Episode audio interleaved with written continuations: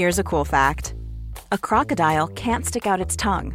Another cool fact you can get short term health insurance for a month or just under a year in some states.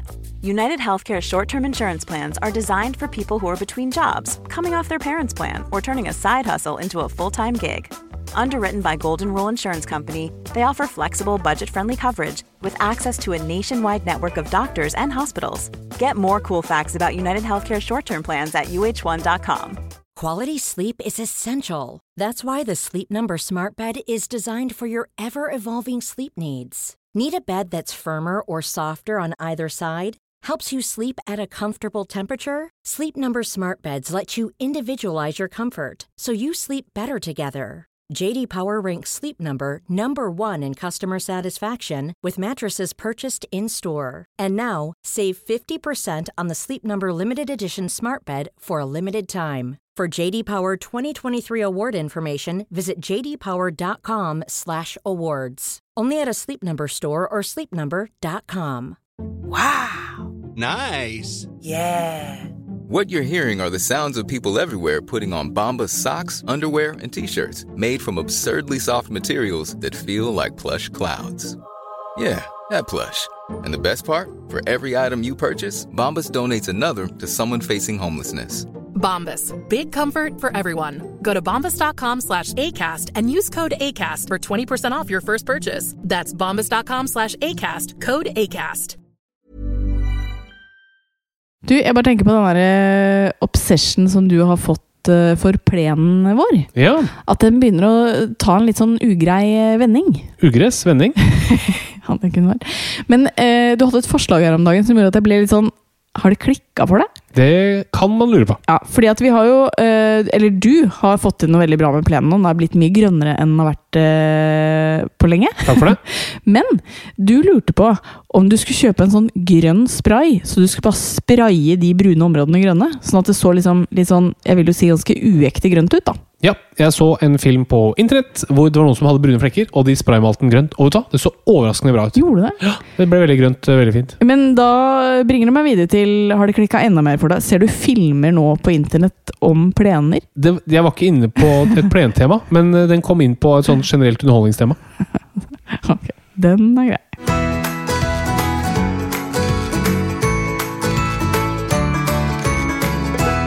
Hei, og så hyggelig at du hører på Åpen journal. Vær så god. Da har vi kommet til episode 69 minus Har vi 1. det? Minus 1. Å ja, vi er på 68. Ja, vi er på ok. 68. Ja, da, da kan vi ikke snakke om eh, 69. Jo, vi kan det. Nei, ja vi kan det, men vi vil ikke det. Eh, for det jeg også har tenkt på, Harald, er at vi er jo faktisk eh, Norges største helsepodkast. Ja. Passer det seg da at du gnåler om de greiene der? Nei, Nei. det passer seg overhodet ikke. Og derfor gjør jeg det ikke. Nei. Godt er det. Vi er altså på episode 68. Det begynner å bli noen. Det, det begynner å bli nærme seg 69. Men eh, med så mange episoder i bagasjen, så er det veldig hyggelig at eh, akkurat du som hører på, har valgt å skru oss på i dag. Det setter Ja. vi stor pris på. Og hvis du har hørt på alle episodene, masse kudos til deg. Ja. Og så er det jo sånn at vi får inn så mange spennende, gøye og nysgjerrige spørsmål fra dere lyttere. Og vi hadde også en livepod hvor vi fikk inn helt sjukt mye spørsmål, må Mer vi bare si. Mer enn en million spørsmål. Eh, ikke mer enn en million, men mer enn 68. Sånn at um, det vi tenkte, da, er jo at uh, når dere bjudar på så mange gøye spørsmål, så skylder jo vi dere å svare på så mange vi i hvert fall klarer i løpet av denne episoden. Hvor mange skal vi svare på? Det vet jeg ikke. Vi har rett og slett dedisert hele episoden vår til å svare på deres spørsmål. Og da har vi tatt med både det dere har sendt med på Åpen journal, men også spørsmål som vi fikk inn i livepoden. Så her er det bare å følge med. Her er det bare å følge med. Vi skal svare på ganske mye spennende ting. Ja. Vil du tease noen spennende spørsmål? Ja, det er rett og slett alt fra hvordan man kan takle nervøsitet og kroppslige reaksjoner på det, det til eh, hvorfor eh, ballerne dere, til dere menn blir eh, lengre, eller lengre. Det var det jeg skulle fram til. Okay. og det skal vi også snakke litt om. Hvorfor det blir det med åra. Ja. Ja. Men altså, når, du snakket om eh, takle angst og symptomer, så spørsmålet er, finnes det noe medisin som Ja. gjør at man kan bedre hjelpes mot symptomene man får ved bl.a. angst og prestasjon? Mm. Ja, det finnes det! Ja. Kan man skrive ut den medisinen? Ja, det kan man! Vi skal svare på om det å ta angrepiller gjør at man ikke blir gravid. Vi skal svare på om du trenger å ta celleprøve hvis du ikke har vært seksuelt aktiv. Og mange andre spennende spørsmål. Veldig spennende. Ja. Jeg gleder meg mest til det som handler om eh, hvorfor ballerne til dere gutter blir lengre med åra. ja. Ja. Har du sett Du har jo kjent meg i eh, Ti ti år. år. Ja. Ja. Har du sett noen forskjell? Eh, ikke så, altså jeg syns heller de trekker seg oppover. Ok. Over ti år? Men er jeg, har ikke, jeg, har ikke, jeg har ikke ført noe på en måte system eller noe Nei. oversikt. Det kommer man kunne tatovert eh, en liten um, stripe på innsiden av låret år for år. Ja, det var kult! Men du tenker at det går oppover? Ja. Ja. Men vi kan ikke bare snakke om hva vi skal snakke om. Vi må også snakke om noe annet vi skal snakke om. Nemlig at i dag er det jeg som skal ha quiz på deg. Wow! Ja, jeg er quizmaster. Utrolig. Rett og slett fordi vi har jo ikke med oss en gjest i dag. Det er kun spørsmålspod for å rekke gjennom så mange spørsmål som mulig. Og da tenkte jeg, hva kan vi gjøre annet som er litt nytt i denne episoden også? Jo, vet du hva? Jeg tar på meg quizhatten og kjører quiz. Og så må vi jo si at jeg er jo fortsatt eh, tett i nesa. Jeg er fortsatt sjuk, jeg. Ja, det kommer vi tilbake til oh, ja, eh, gjør det. straks. Som du nevnte, Harald, eh, du er fortsatt tynn i nesa. Ja. Og det er eh, noe med at når du er sjuk, så varer det Jeg vil si dobbelt til tredobbelt så lenge som hos meg. Ja. Ja.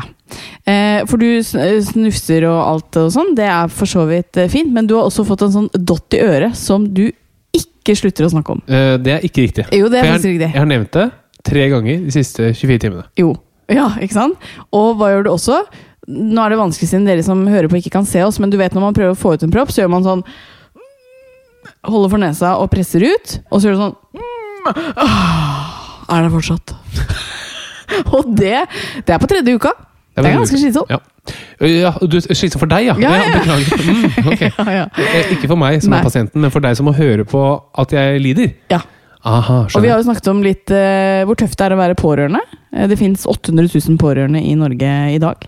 Jeg er en av de 800 000. Fins det 800 000 pårørende? Ja. Ja, Til hva da? Hva er, hva er definisjonen på en pårørende? Nei, jeg vet ikke. Det var Peter Buresco som nevnte det tallet han var i, så du får ringe han. Nei, nå skal jeg høre deg. Du har studert medisin i Ja, men vi, 16 vi lærer ikke så mye om pårørende. Men jeg tror det Peter mente, var sikkert pårørende til pasienter med kreft, vil jeg anta. At det er 800 000? Ja, det kan jeg tenke meg. Ok, det er mange. Ja. Men jeg kjenner meg i hvert fall som en pårørende til en som er uh, selverklært alvorlig syk med den forkjølelsen som sitter i hos deg. Nei, jeg, altså, meg, men det er bare irriterende. Mm. Og det, det er også litt interessant, fordi eh, som lege får man veldig mange pasienter som har den sykdommen jeg har, og som sier sånn Du, jeg vil bli frisk, hva kan jeg gjøre? Og nå hører dere meg, jeg er jo lege sjøl, syk på tredje uka. Fins Fins ikke noe mirakelkur for denne typen sykdom. Nei, i hvert fall ikke for den alvorlige tilstanden du har fått. da.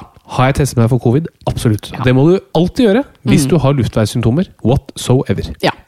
Vi møter jo en del øh, venner og bekjente, vi, som, øh, som sier at de har fått forkjølelsessymptomer. Og så sier vi ja, har du testa deg? Nei, for at det, nei, dette er ikke covid, altså. Ikke sant? Dette er en forkjølelse. Hvordan vet de det? Nei, altså, vi leger vet, kan ikke skille de to. Nei? Men eh, det er én som kan det, og det er eh, svigerfar. Faren din han ser det med en gang. Nei, det, det kan jeg aldri tenke meg covid. Ok, nei, det er helt. Nei, det er faktisk sant. Men uh, det er jo lett å tenke at uh, det er mer sannsynlig at det er noe annet enn covid, men i disse tider så er det jo egentlig ikke det. Nei, eh, av alle virale luftveissykdommer du kan dra på deg i 2021, så er jo covid ganske høyt oppe på lista. Men en ting som vi snakket om i forrige episode, som på en måte bare ble nevnt, som jeg bare føler litt som behov for å si, er at jeg har tatt uh, vaksinen nå. Fått Ja. uh, første dose. Følte meg helt fin etter den.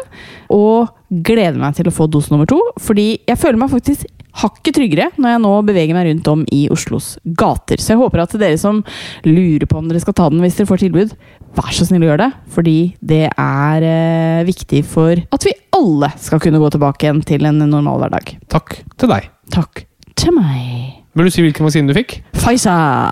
Pfizer. Jeg ble feisty av Pfizer. Nei. Men her på, på om kvelden Ja. Så vi har jo et, et såkalt en sweet bad. Ja. Det betyr et bad som ligger inntil soverommet. Ja. Og døra sto på gløtt. Mhm. Og da øh, var det en som feiser øh, på badet, hørte jeg. Ja, vet du hva? Jeg øh, slapp en fiss. Står i det. Ja, men at jeg gjorde det, tenker jeg sånn Selvfølgelig gjør man det, på en måte. Ja da. I løpet av en eh, dag? Men eh, det får være grenser. Nei, det var ikke så ille. Men jeg tror ikke dette er så interessant for folk. Og som sagt, vi er, vi er Norges største helsepodkast. Det må vi ha i bakhodet når vi snakker om disse tingene. Mm. Eh, og apropos barnslig, eh, så må vi også ta en liten tur innom eh, flykarrieren din, Haraldsen. Ja! Hvordan går det nå om dagen? Du, jeg har fått bestilt nytt, ny flykropp. Ja, Det som heter skrog på fagspråket. Måtte du ikke bestille alle den- altså, nye deler av alt? Mm, nei, jeg regner med å kunne gjenbruke de fleste. Så fantastisk! Ja. Det kosta jo sikkert bare et par tusen å gjenskape det flyet. Nei, det var ikke så dyrt. Jeg tror det var under 1000 spenn. Ok. Da vil jeg bare høre, i og med at uh, alle de andre forsøkene dine med dette flyet har gått rett ad undas, Ja. hva din taktikk er for å ikke ødelegge flyet denne gangen. Det er å uh, komme opp i stor høyde.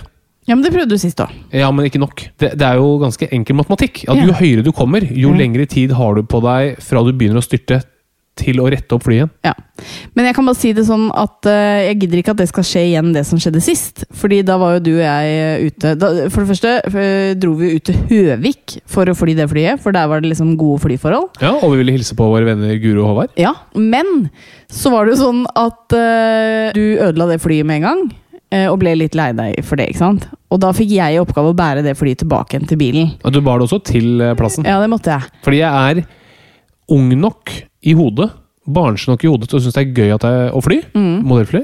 Men jeg er samtidig voksen nok og velutviklet nok til å skjønne at det er veldig flaut å gå og bære på et racerfly når man er over 30 år. Ja. Så gikk vi forbi noen folk, og da sier hun eh, dama som går forbi Jøss, er det flysøndag? Og da Altså, jeg fikk et eller annet i halsen. Jeg klarte ikke å svare, for jeg, så, jeg syntes det var så flaut. At jeg endte med å si yeah! Flysende! Ikke sant? Hva tror hun om meg? Hun skjønte jo ikke at det var du som var idioten som var ute og fløy. Nei. Så eh, Men det, det var, hun hadde rett, det var flysøndag. det var flysøndag, men neste gang så må du bære flyet ditt selv. Det er greit. Vi har med oss vår faste annonsør Boots apotek, og akkurat som Harald og meg, så er de opptatt av å gi gode råd og tips. Det er helt riktig, og hvis du går innom et Boots apotek, kan du alltid være sikker på at du får hjelp av dyktige farmasøyter og autorisert helsepersonell som hjelper deg å finne løsninger på dine helseutfordringer.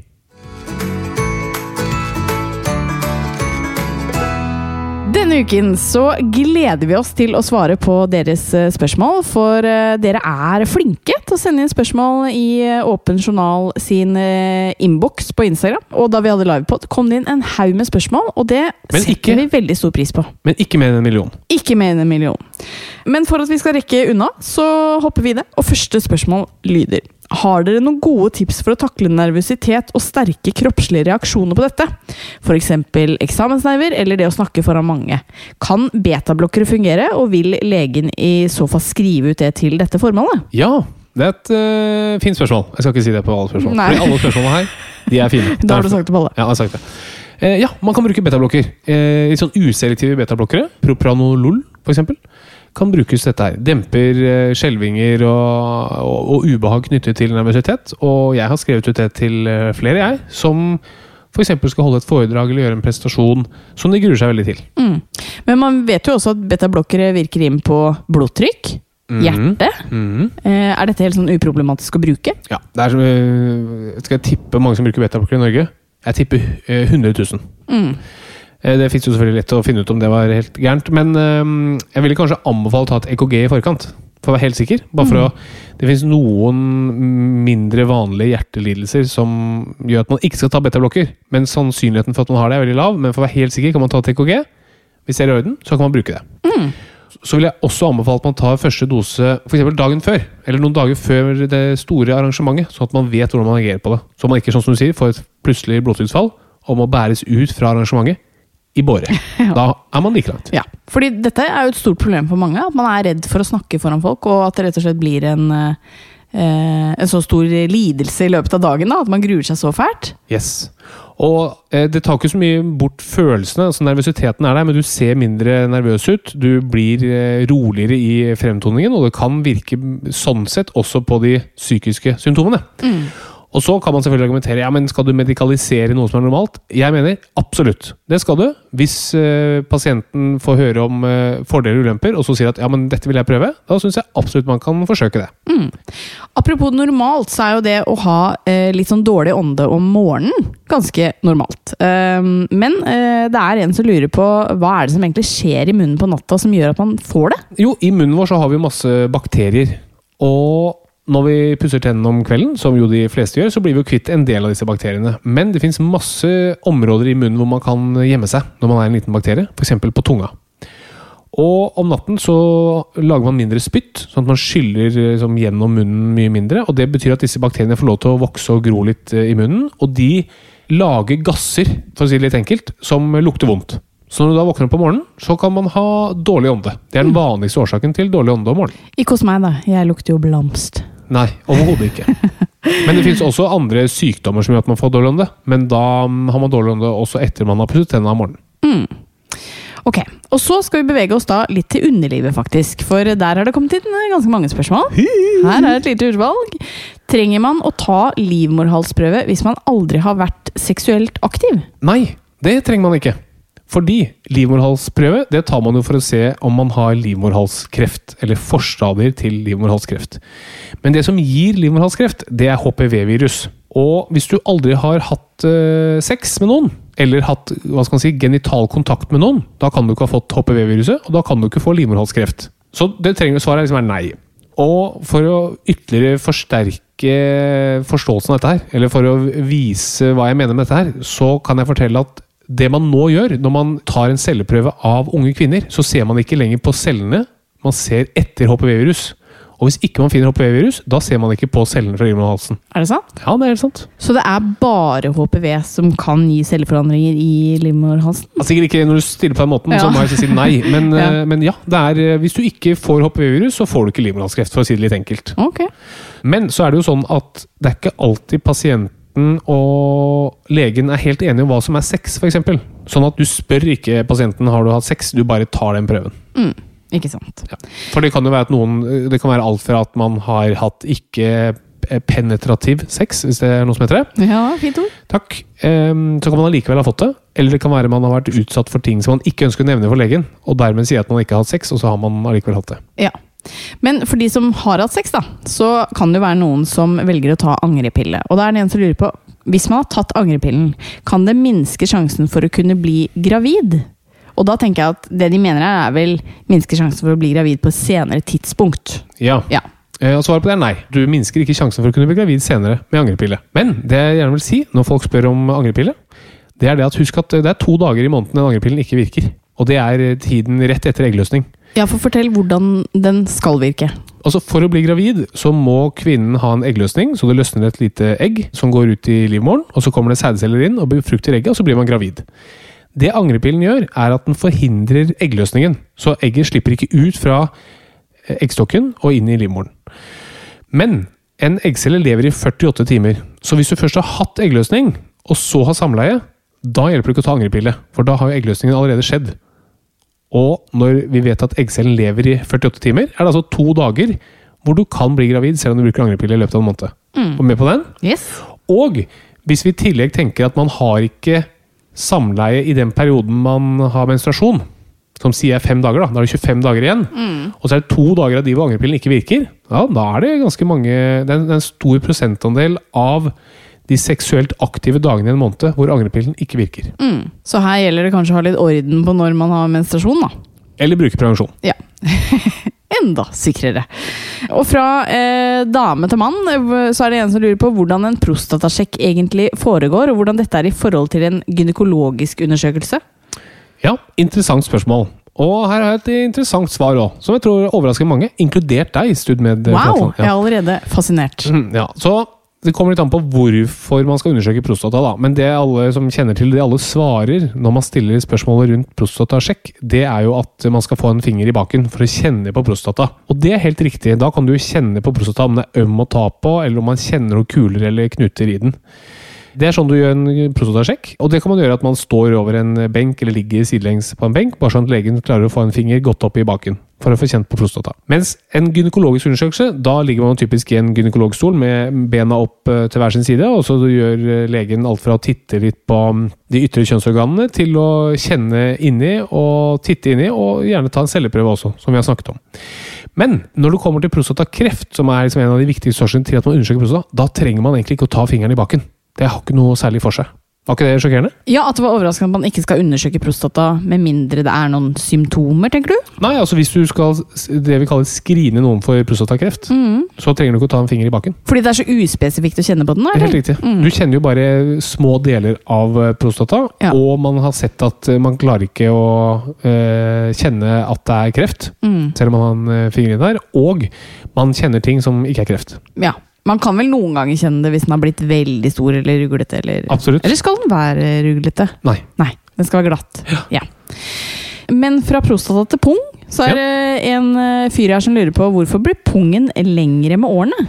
Ja, i pungen så har vi jo hud og muskulatur. Altså muskulaturen hever testiklene, og så når musklene slapper av, så senkes testiklene. Og det gjøres for å regulere temperaturen på testiklene, fordi testiklene trives best ca. 1 grad lavere enn kroppstemperaturen. Så jo nærmere de trekkes opp mot kroppen, jo varmere blir de. Derfor så er det sånn at når man går i kaldt vann, så trekkes pungen helt opp til kroppen, for da vil de varme seg. Men hvis man er ute i varmt vær, så vil testiklene senke seg ned. For å komme vekk fra den varme kroppen. Og så, og En annen morsom ting jeg så på internett, som er en veldig god og sikker kilde til medisinsk informasjon, men som var veldig interessant og riktig, og det er at hvis du fryser Altså hvis en mann fryser, men testiklene er lange, så har de feber. Ah. Fordi hvis, hvis du fryser fordi det er kaldt, da vil testiklene trekke seg opp til eh, kroppen. Å, det var kjipt jeg ikke visste dette her da du hadde feber sist. For det hadde vært litt interessant å se. Ja. Ja. Eh, Men jo, hvorfor vil vi lenger, da? Jo, Ja. det er fordi når vi blir eldre Altså, gjennom et langt liv så trekker jo tyngdekraften på oss trekker jo alt ned mot eh, bakken, og elastisiteten i huden blir dårligere og dårligere. Det er også derfor vi får rynker. Et gammelt ansikt ser mye mer dratt ut enn et ungt ansikt. Fordi huden vår blir mindre elastisk, fordi kollagenet i huden blant annet, eh, brytes ned og erstattes ikke. Og det skjer der, der nede også. Det skjer overalt. Ja. Det er litt samme mekanisme som skjer når brystene til kvinner henger når de blir eh, godt voksne. Ja.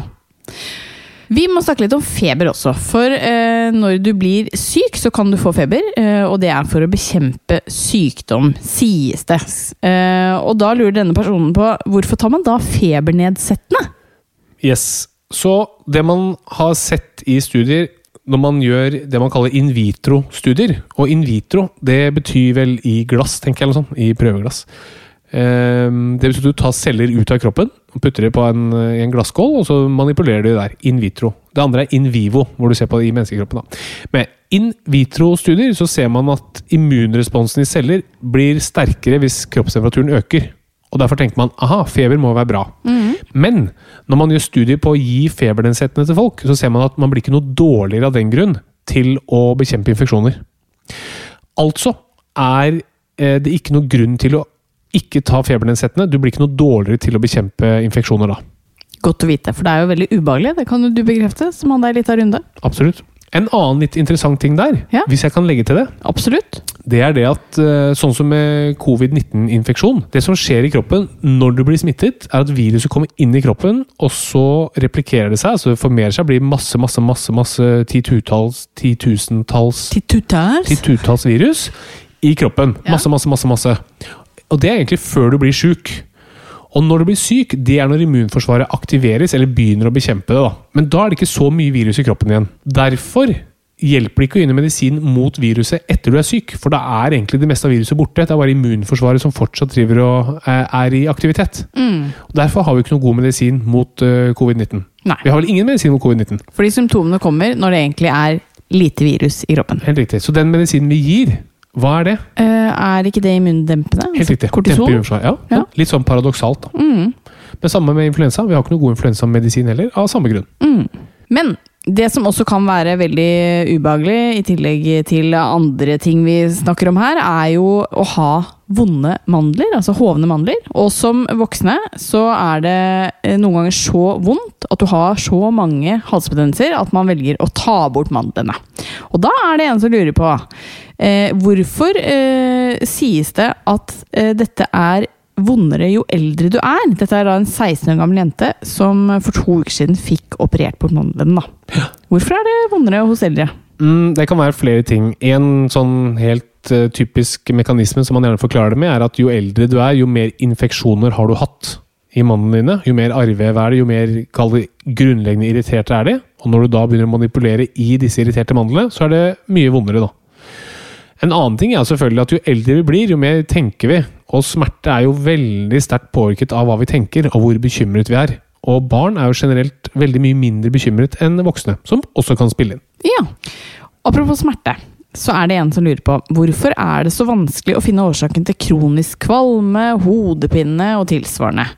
Og her tror jeg egentlig dette spørsmålet gjelder ganske mange. ikke sant? Fordi man går jo til legen, og så får man ikke noe klart svar til hvorfor jeg alltid har vondt i magen eller så ofte har vondt i hodet. Mm. Hvorfor er det sånn?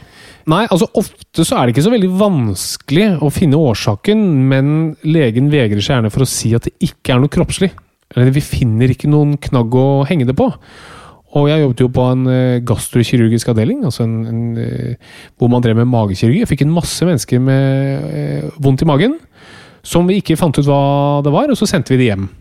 Men det jeg alltid sa til de pasientene, var at dette er en stor seier, fordi du har fått utelukket veldig mange ting. Vi vet at det ikke er A, B, C, og da er vi trygge på at av de 10 000 ting det kan være, så er det ikke noe farlig. Dette kan du gå hjem og slappe av med. Men det tror jeg kanskje er grunnen til at folk ikke er fornøyd etterpå. da, fordi det du sier der, er jo ganske viktig. Nettopp at noen tør å si at vet du hva, nå skal du lene deg tilbake. Vi har utelukket at dette kan være noe farlig. ikke sant? Men de får kanskje bare svaret at vi, vi vet ikke hva dette er. Og det skjønner jeg at folk kan bli litt urolige av. Ja, altså det er jo sånn hodepine, kvalme, kroniske smerter. Det kan veldig ofte ha en psykisk bakenforliggende årsak. Men mange leger vegrer seg for å si det. Og det er veldig mye lettere å bare sende deg til den ene undersøkelsen etter den andre, og så si til slutt du, jeg vet ikke hva dette her er. Enn å bare si du, nå vet vi at det ikke er A, B eller C. Da er det sannsynligvis et eller annet i kanskje måten du tenker på, som er med å opprettholde disse smertene her. Eller disse plagene. Og det er jo ganske tøft å si, ikke sant? fordi du blir veldig fort idioterklært. da. Og det er jo sånn som pasient at hvis du går til 19 leger, og, alle sier nei, jeg vet ikke hva dette er, eller dette, dette, er ikke noe, vi finner ikke ut hva det er. Så går du til den 20. legen, og den legen sier at dette er et mystisk virus eller en mystisk bakterie eller det er noe sted som er lekk i kroppen. Da er det den legen som pasienten hører på, og de første 19 blir idioterklærte. Så for å unngå det, så er det mye lettere som lege å si sånn nei, jeg vet ikke hva det er, du må gå til en spesialist, eller nå, nå har du liksom sjekket alt. Og det er veldig viktig at og jeg, jeg prøver å være sånn tøff på disse tingene overfor pasientene. Bare si at du, nå har vi sjekket liksom alt her, vi vet det ikke er noen av disse tingene her. Da er det sannsynligvis et eller annet annet som ikke har noe med kroppen din å gjøre. Det kan være med måten du har det på, eller tenker på.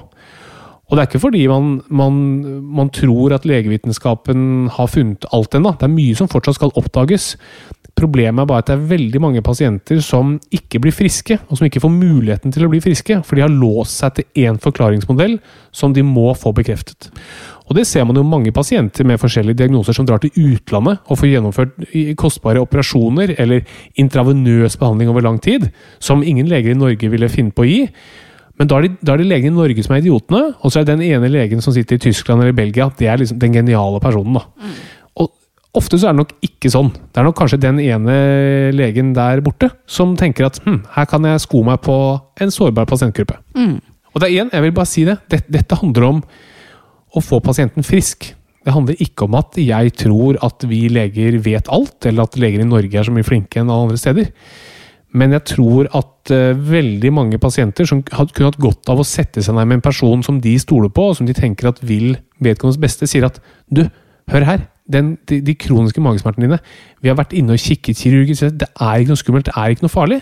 Dette kan være smerter som opprettholdes av din frykt eller din redsel for at det er et eller annet. Mm. Godt forklart.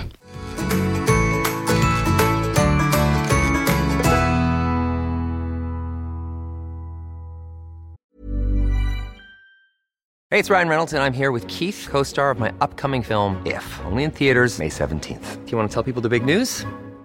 All right, I'll do. it. Sign up now and you'll get unlimited for $15 a month in six months of Paramount Plus Essential Plan on us. Mintmobile.com slash switch. Upfront payment of $45 equivalent to $15 per month. Unlimited over 40 gigabytes per month. Face lower speeds. Videos at 480p. Active Mint customers by 531.24 get six months of Paramount Plus Essential Plan. Auto renews after six months. Offer ends May 31st, 2024. Separate Paramount Plus registration required. Terms and conditions apply if rated PG.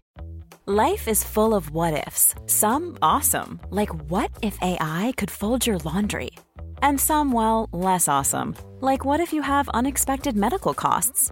United Healthcare can help get you covered with Health Protector Guard fixed indemnity insurance plans. They supplement your primary plan to help you manage out of pocket costs. No deductibles, no enrollment periods, and especially no more what ifs. Visit uh1.com to find the Health Protector Guard plan for you.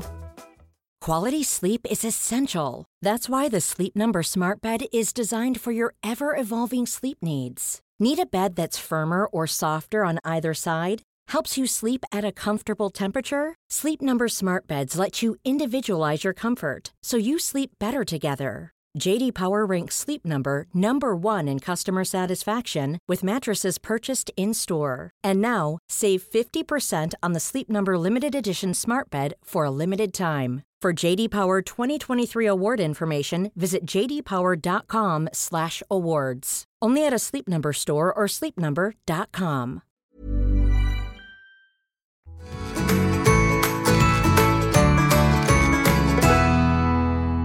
Så kan det jo eh, være litt sånn forvirrende noen ganger hvem man skal kontakte hvis man har eh, et problem. Eh, skal jeg kontakte fastlegen eller legevakten, og hva er egentlig forskjellen?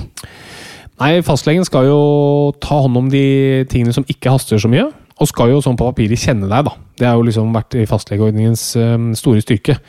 Og så er det ikke så mange som snakker om at det er jo en del uh, vikarer også på fastlegekontor, og fastlegene har mange oppgaver. Men i utgangspunktet så er det fastlegens jobb å ta hånd om alt som ikke nødvendigvis haster så fryktelig mye. Mens legevakten de kan gjerne ta stilling til enkeltproblemer som oppstår som man kan løse uten å kjenne til historikken din, og ting som du trenger å få løst si, i løpet av en dag. da. Og så er det sånn at uh, noen har også lurt på uh, hvorfor Harald gnåler om uh, manglende samliv, til tross for at dere har skapt Bernhard. Dere virker jo svært lykkelige sammen. Kan dere dele hemmeligheten bak et godt forhold, og gjerne et godt sextips i samme sleng? Ja, altså det at vi lagde Bernhard for Han er ni måneder ni, Altså for 18 måneder siden, da. Yes! Det er jo kanskje en litt lavere frekvens enn det jeg kunne ønske meg. Ja. Men er vi lykkelige sammen? Ja, det tror jeg. Og hva er hemmeligheten bak det?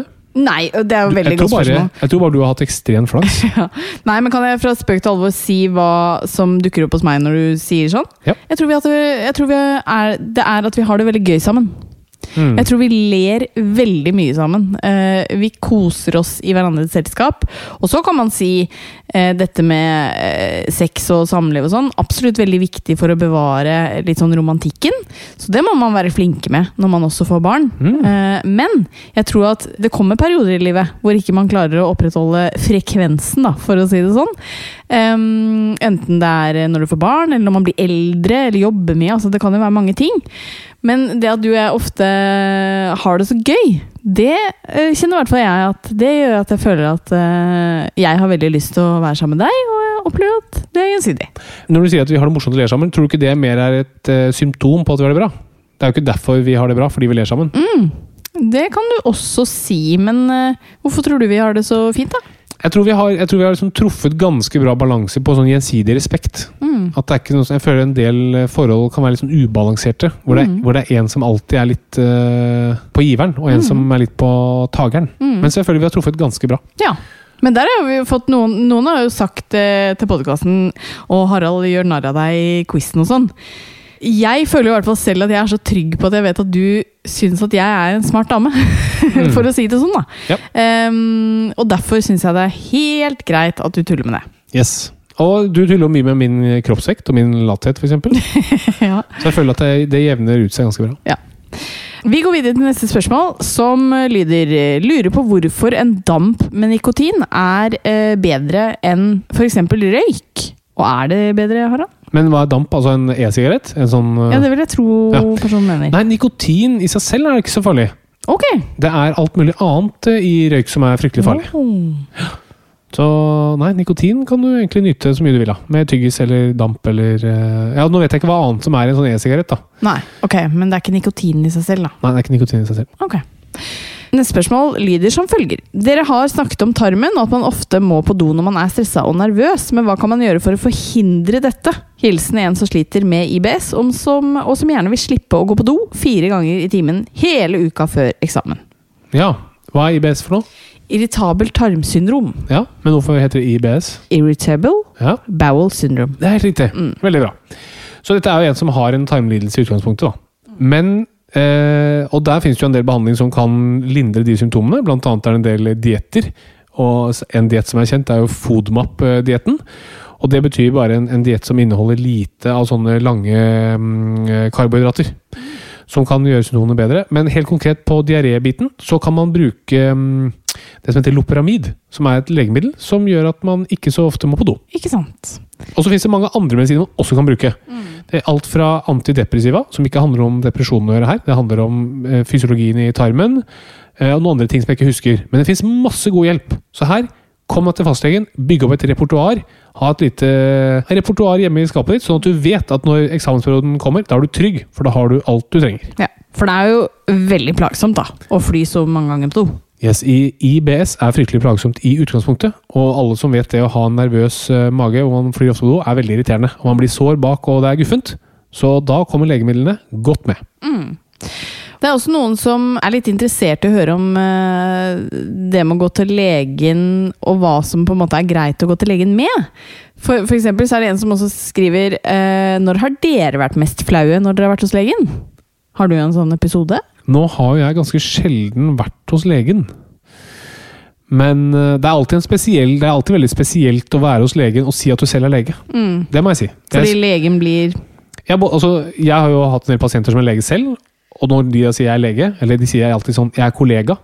Og, og det er liksom sånn Jeg synes det er en sånn guffen måte å si det på, for du, du prøver liksom å At man skal være på samme nivå, og det høres veldig stygt ut, fordi man skal alltid være på samme nivå som pasienten, men du treng, i et lege-pasient-forhold trenger du en skjevhet. Du trenger at én er eksperten, og den andre er amatøren eller lekmann. Det må du ha, for det er veldig mye i lege-pasient-forhold som handler om tillit. Så når noen sier sånn ja, jeg er kollega, så blir jeg alltid litt sånn satt ut eh, av det. Eh, Men jeg har også vært hos legen, absolutt. Da sier jeg, jeg sier jeg er lege, da. Sier ikke at jeg er kollega. Og det handler om at jeg vil at de skal vite det. Sånn, det, kan være på måten jeg snakker, eller spørsmålene jeg har. eller Hvis de finner ut etterpå, så tenker jeg sånn det er dårlig gjort hvis jeg ikke har sagt det. Men en sånn flau episode Nei, jeg syns, alltid det er flaut det er å være hos eh, legen og si jeg er lege sjøl. altså, At du syns det siste er flaut, eller at det er flaut å være hos legen i seg selv? Nei, nei, nei, Nei. si- nei for det vet jeg at du kan, du kan ha med absolutt alt til legen. Altså, det er ekstremt få ting som gjør at en lege må bryte taushetsplikten. Altså, Taushetsplikten med leger er ekstremt sterk. Og jeg har sagt det før, men husk at det du sier til en lege, også på privaten, det er innebefattet av taushetsplikten. Det, er- det handler mer om hvis du, has, hvis du sier at du skal eh, drepe noen, og det er sannsynlig at det stemmer, eller at man eh, risikerer at noen andre uskyldige blir dømt, f.eks. Det er noen sånne spesielle ting. Men ellers så kan du si hva du vil til legen, og de får ikke lov å si til noen. Og jeg kjenner meg egentlig igjen at jeg, jeg tror aldri jeg har vært flau når jeg er hos legen. Ehm, og egentlig mer og mer ettersom at jeg har gått på medisinstudiet, så har jeg blitt mindre og mindre på en måte eh, Jeg føler jeg har lavere terskel for å spørre om både det ene og det andre. For jeg, jeg, litt som du sier, man vet at de har taushetsplikt. Og jeg, jeg vet jo også at de får jo veldig mye forskjellig inn på kontoret hver dag. Jeg er jo bare en av mange, og de har garantert hørt eller sett kanskje noe à la det jeg lurer på, da. Ikke sant? Men apropos det å si at man er lege, så tenkte jeg på det da jeg var gravid, for jeg ble fulgt opp veldig tett eh, på Ullevål. og jeg var litt sånn omvendt, at jeg ganske bevisst fra start ikke sa at jeg var legestudent. Uh, For jeg syns det var så deilig å ikke eh, å være litt sånn Å, jeg vet ingenting om dette svangerskapet. Jeg kan ikke dere fortelle meg alt som er? Og så skjønte jo de etter hvert uh, sikkert litt på måten man stiller spørsmål, eller hva man spør om. At du ikke var medisinstudent? Jeg hadde overhodet ingen peiling. At jeg vanket i de medisinske kretser. Eh, Men eh, da sa jeg bare fra at ja, jeg er medisinstudent. Men, eh, og da sa jeg det er lenge siden jeg har hatt gynekologi og svangerskap på semesteret, så behandle meg som hvem som helst annen. Ja, og det eh, sier jeg også. Mm. Da sier jeg vet du hva, jeg er lege, men vær så snill å behandle meg som ikke er lege. Fordi det får Mm. du ganske ofte høre når man er lege og pasient. At ja, dette vet vel du, eller dette kan jo Mm. du mer om enn meg. Eller, altså sånn, det, er, det er veldig irriterende og lite hensiktsmessig. Fordi det gjør at man som legepasient ikke tør å si nei, dette vet jeg egentlig ikke. Du, du liksom bygger sitt opp, så tør du ikke å miste den fasaden. Mm. Så det sier jeg også til mine pasienter som er lege. Sier jeg sånn, jeg vet at øh, du er lege, eller takk for at du søkte kollega. Jeg kommer til å behandle deg som en hvilken som helst annen pasient, og så får du heller si hvis det blir for banalt. da. Ja. Så er man liksom ferdig med den, slipper du å veie ordene dine noe tyngre enn man må ellers. For jeg husker også da jeg fikk påvist diabetes i 2013, eh, så var det i hvert fall én lege som sa sånn Ja, for du er jo legesønn, så dette kan jo du sikkert en del om. Og én ting er at jeg kunne ingenting om diabetes da, eh, og skulle gjerne på en måte hatt informasjonen, men jeg følte meg også litt dum som ikke Ja, det er akkurat det. ikke, som ikke som medisinstudent kunne noe. Ikke sant? Det, det ble en sånn tosidig Ja, Ja, Du tør ikke å stille spørsmål du egentlig har. Nettopp. Ja. Det har vært veldig hyggelig å svare på spørsmål. Eh, veldig hyggelig at dere sender inn spørsmål. Fortsett med det, sier bare jeg, for vi skal jo eh, fortsette å svare på spørsmålene deres i episodene fremover. Og jeg tenker at eh, hvis det fortsetter å komme inn eh, gode og mange spørsmål, sånn som det har gjort til nå, så bør vi jo koste på seg litt av spørsmålsbåd igjen om ikke så lenge. Ja, Det er veldig fint å få oppsummert øh, det. Og det er veldig interessant å se hva folk lurer på. Helt enig. Og det er fint hvis dere føler dere får noe ut av svarene. Og mange ganger er det en ting jeg også lurer på. Som f.eks. for eksempel eh, hvorfor mandlene er vondere å fjerne hos eldre. Ja. Visste jeg ikke. Nei. Mye du Hei, hei, hei. Det er mye du ikke vet. Det For riktig. eh, det skal vi i hvert fall få svar på nå. Når Katarina skal ha dagens quiz. Og nå lurer du sikkert på hva som er dagens tema. Eh, nei, det lurer jeg ikke på. Ok, hva tror du det er? Eh, elefanter. Nei. Har du, eh, har du noen som helst peiling? Underliv. Nei. Det kunne vært, ehm, men der er jo ikke du så god. Men dagens tema eh, for dagens quiz er da altså et tema som du er veldig interessert i om dagen. Kan du gjette hva det er jeg skal frem til? Eh, hage. Nettopp. Er det det? Ja, Utrolig. Var så, det første spørsmål? Nei. Så eh, håper jeg at dere som hører på, kanskje har en hage. For da er denne kanskje enda mer interessant enn for dere som ikke har hage. Men hvis ikke, så er det kanskje to minutter av livet ditt som du ikke får igjen. Men du lærer noe nyttig likevel. Men kan det være at det er noe morsomt her? Ja. Å høre på? At Ja, du ikke ja, ja. trenger å være Jeg interessert kan i hage? garantere at du kanskje kommer til å fnise. Jeg? Ja. Oi! Eller jeg, i hvert fall. Eh, ok, Så du trenger ikke å ha en hage for å høre på? Nei. Og det jeg nå lurer på, før jeg slipper deg til, Mhm. hva kan jeg vinne? Du kan vinne en splitter ny hageslange! Oi! For det trenger du. Eh, ja, Ja. det gjør jeg. Første spørsmål. Hvor høyt bør gresset være når du klipper det? Fire centimeter. Feil. Fem centimeter. Feil. Fuck. Seks til syv centimeter. Ja, men det må være første gang. Nei, men det er Nå men du Du kan ikke Vet du hva? Ikke kvelder. Nei, men Jeg er fasiten. Det er litt blanda hvor, hvor du leser, men eh, på min kilde så sier det 60 cm. Så du skal alltid ha Nei, du trenger ikke alltid ha det, men det er ideelt å klippe det da. Og Ja, det kommer jeg tilbake til! For hvor høyt eller lavt gress bør man klippe det til? Hva er den ideelle lengden å ha på gresset? Ja, ok, du venter til det er 60 cm før du klipper det. Ja. Da klipper du til 4-5 cm. Det er riktig! Misforsto du første spørsmål? Ja, jeg gjorde det. Okay. Så du må aldri ha gress som er kortere enn 4-5 cm. Nei. Ok. Og hvorfor er 4-5 cm ideelt å ha som gresslengde? Lenger så blir det sikkert tungt og legger seg, og kortere så får du ikke nok sol, kanskje? Altså, du er inne på det. Okay. For eh, det som er svaret, er at det handler om at eh, plenen ved 4 cm høyde Dette er en smal quiz.